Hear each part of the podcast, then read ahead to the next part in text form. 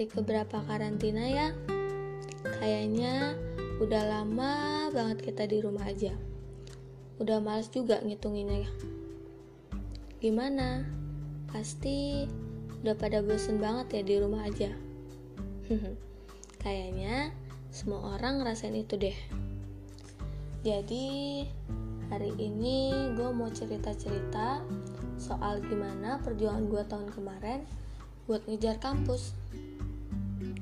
Hmm, awalnya sih gue ngeliat akhir-akhir ini banyak banget teman-teman sekolah gue yang upload soal kenangan satu tahun yang lalu.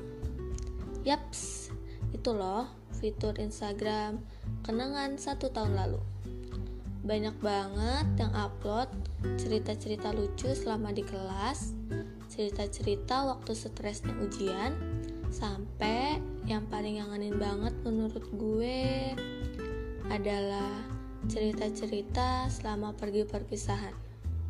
Jadi, tahun lalu angkatan gue pergi ke Malang buat acara perpisahan. Itu tuh benar-benar ngangenin banget.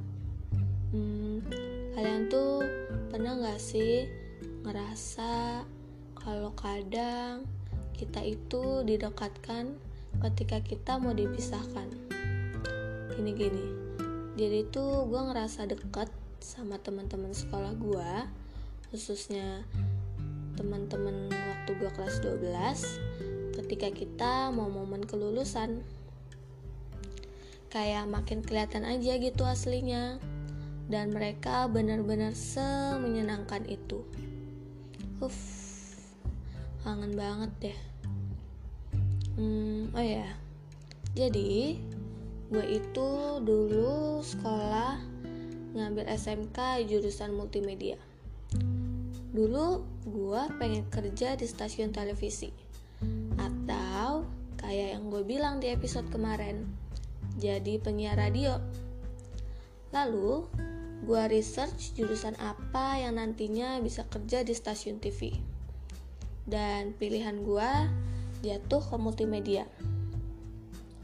Hmm, terus setelah gue SMK, gue baru tahu kalau untuk kerja di stasiun TV gak semudah lulus SMK jurusan multimedia. Jadi masih perlu ambil D3 atau S1. Dan ya saat itu gue langsung ambil niat buat nanti kuliah swasta di jurusan broadcasting karena jurusan itu yang bisa dipakai buat kerja di stasiun TV dari hasil browsing yang gue dapet sih. Lalu lanjut mendekati kelas 12 gue mulai kenal sama yang namanya PTN hmm, dan gak tau kenapa gue berambisi aja buat masuk PTN gue mulai browsing jurusan apa sih di PTN yang nantinya bisa kerja di stasiun TV. Saat itu pilihan gue jatuh sama jurusan komunikasi. Hmm, tau ya benar apa salah. Tapi setelah itu gue ngebenerin niat gue buat setelah lulus bisa masuk PTN jurusan komunikasi gue research gimana aja sih ujian buat jalur masuk PTN lalu gue kenal SNM dan SBM yang waktu itu tuh masih tabu banget buat gue. Terus waktu masuk kelas 12 gue milih buat ambil bimbel. Buat persiapan gue masuk PTN kenapa ambil bimbel? Hmm jujur setelah gue tahu gimana seleksi buat masuk PTN, gue sangat amat tidak percaya diri. Buat seleksinya, pakai pelajaran-pelajaran yang didapetin sama anak SMA, pelajaran yang gak gue dapetin selama SMK. Jadi, gue milih ikut bimbel buat belajar pelajaran anak-anak SMA selama satu tahun. Sebenarnya kedengeran mungkin gak mungkin gak sih belajar apa aja yang dipelajarin anak SMA 3 tahun dalam waktu setahun. Kayaknya ini alasan gue doang buat males-malesan. Lalu masuk di awal tahun 2019, jadwal bimbel gue mulai padat. Gue bimbel hampir setiap hari, dan itu bersamaan sama mulai padatnya jadwal ujian-ujian kelas 12. Gue masih ingat banget gimana susahnya gue waktu itu buat bagi waktu dan pikiran gue untuk les dan untuk sekolah. And honestly, it's really hard for me karena gue bukan orang yang bisa fokus sama dua hal dalam satu waktu. Oke, okay, kayaknya ini alasan lagi. Lalu mendekati pendaftaran SNM, Alhamdulillah saat itu gue dapet kesempatan buat ikut SNM. Gue mulai dibikin bingung sama pilihan jurusan apa yang akan gue ambil. Karena hmm, jurusan yang gue mau gak sesuai sama apa yang orang tua gue mau. Kalau di awal gue cerita gue mau masuk komunikasi, tapi nyokap gue pengen gue ambil pendidikan dan jadi guru. Setelah ngobrol, akhirnya gue ngalah. Di SNM, gue ambil jurusan teknologi pendidikan di UNES dan teknologi pendidikan di Universitas Negeri Malang. Karena setelah gue research, teknologi pendidikan adalah jurusan yang gak pendidikan. E, maksud gue ya lulusannya gak cuma bisa jadi guru, walaupun gelarnya tetap SPD. Oh iya, saat itu gue tetap dibolehin usaha buat ngejar apa yang gue mau. Iya, kerja di stasiun TV. saat itu gue research soal sekolah tinggi multimedia Yogyakarta. Dan setelah gue izin ke nyokap, gue minta buat ikut seleksinya yang kebetulan saat itu udah masuk gelombang kedua. Dan alhamdulillah, nyokap gue izinin buat ikut itu gak mau diperpanjang soal patah hati ini hmm, ya gue ikut seleksinya gue pergi ke Jogja sendiri untuk tes lalu setelah gue tes gue langsung pulang untuk pengumumannya kayaknya sekitar sebulan. Dan ketika gue buka pengumuman pertama gue hasilnya gue gagal. Nggak apa-apa nggak apa-apa. Ini baru penolakan pertama gue gue agak lupa tapi kayaknya setelah dari pengumuman STMM Jogja saat itu ada pengumuman SNM dan gue sangat berharap sama pengumuman itu. Karena hmm, ya siapa sih yang gak mau masuk PTN tanpa ikut SBM walaupun jurusan yang gue pilih bukan jurusan yang gue mau. Waktu gue mau buka pengumuman SNM hmm, hasilnya gue ditolak di dua pilihan gue hmm, hai penolakan keduaku.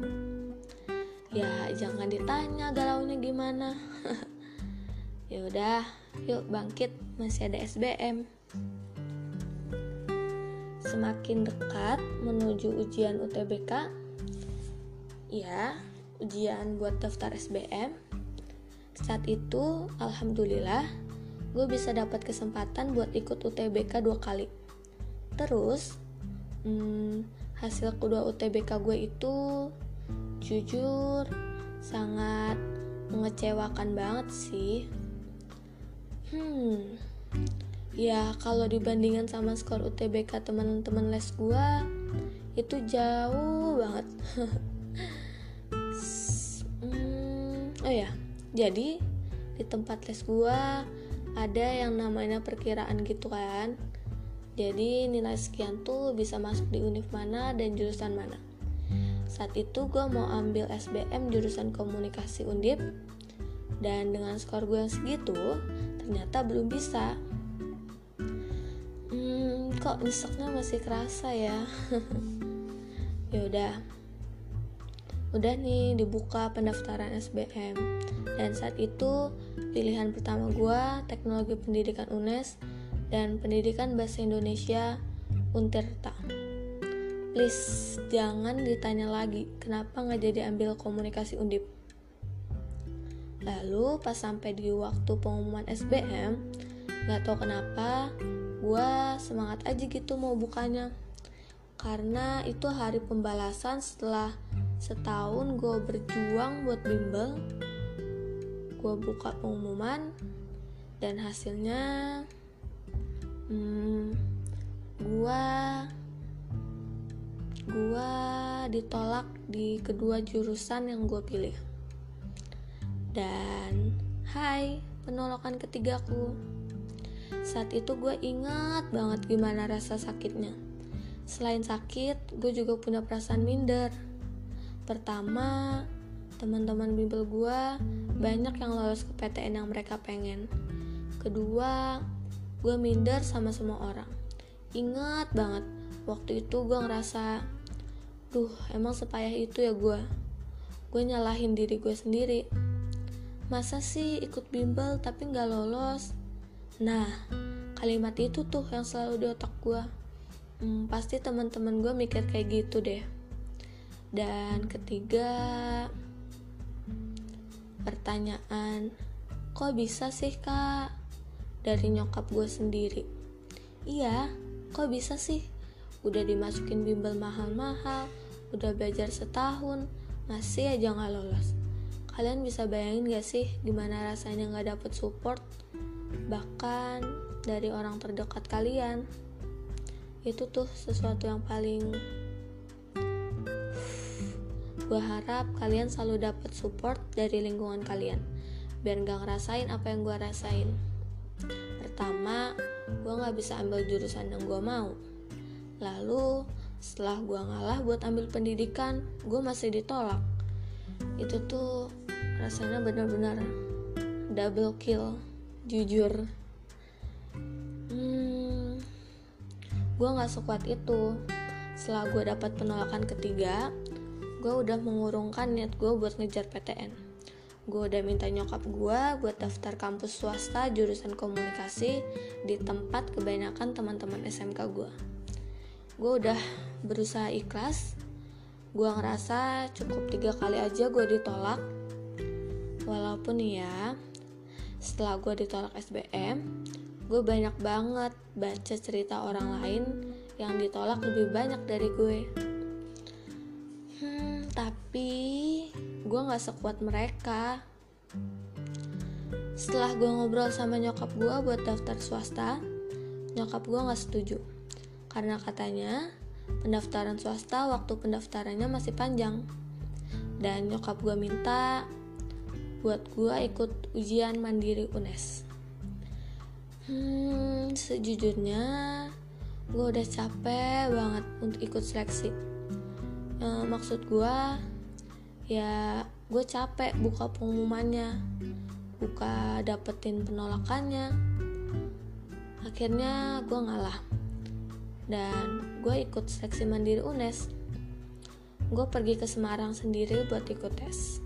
Saat itu yang diujikan itu tes wawasan kebangsaan hmm, bahasa Inggris dan pengetahuan konservasi dan jujur gue sama sekali nggak ada niat buat belajar soal ketiga itu. Ya karena kayak yang gue bilang gue benar-benar gak ada semangat lagi buat ngehargain usaha nyokap gue. Akhirnya waktu gue udah sampai di Semarang sehari sebelum jadwal tes gue sempat belajar sedikit soal tes wawasan kebangsaan dan bahasa Inggris. Terus hari H ujian gue bener-bener gak bisa fokus.